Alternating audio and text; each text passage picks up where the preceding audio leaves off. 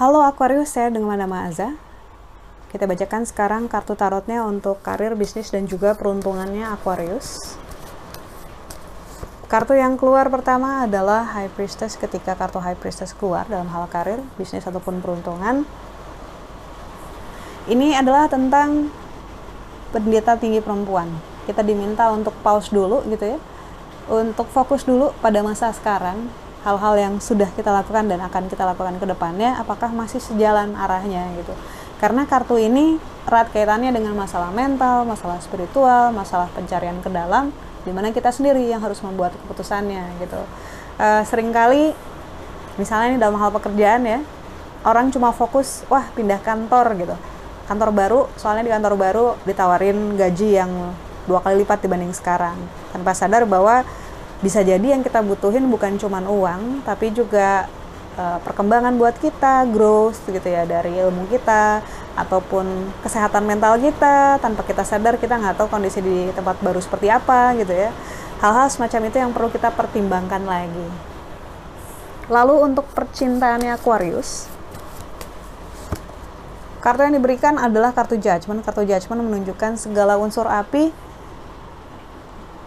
Matahari yang bersinar terlalu terik, gunung berapi, ular api, dan juga lahar menunjukkan unsur api yang dominan. Karena itu berhati-hati kalau misalnya nanti ngerasa lebih mudah marah, ngerasa lebih mudah kesel gitu ya.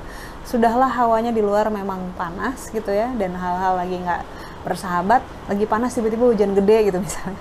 Nah, kartu judgment ini lebih ngomongin tentang adanya potensi konflik dalam hal percintaan. Jangan sampai kita menyakiti orang lain yang kita cintai gitu ya, dan jangan sampai kita juga menyakiti diri kita sendiri uh, temukan cara untuk mendapatkan ketenangan, kedamaian, kesejukan di dalam hati kita agar kita bisa menolong pasangan kita juga gitu yang mungkin sedang kena panas kartu judgment ini juga. Lalu kartu nasihat yang diberikan untuk Aquarius Kartu yang keluar adalah Universe. Ini menunjukkan semesta. Ibaratnya Nasihat yang diberikan adalah untuk menjalani apa pun yang diberikan pada kita dengan sebaik-baik mungkin karena itu adalah yang terbaik dan memang sudah ada di path kita, di jalur journey yang harus kita lewati. Kartu Universe juga mengingatkan bahwa nggak semua hal yang kita inginkan bisa kita dapatkan segera karena timingnya bukan ngikutin waktu kita. Timingnya ya waktunya Tuhan.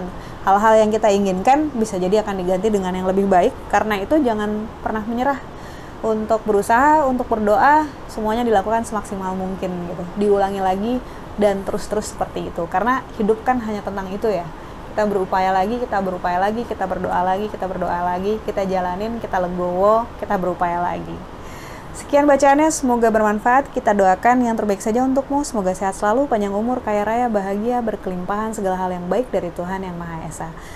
Bantu saya dengan cara di klik like-nya, subscribe, share, dan juga komen.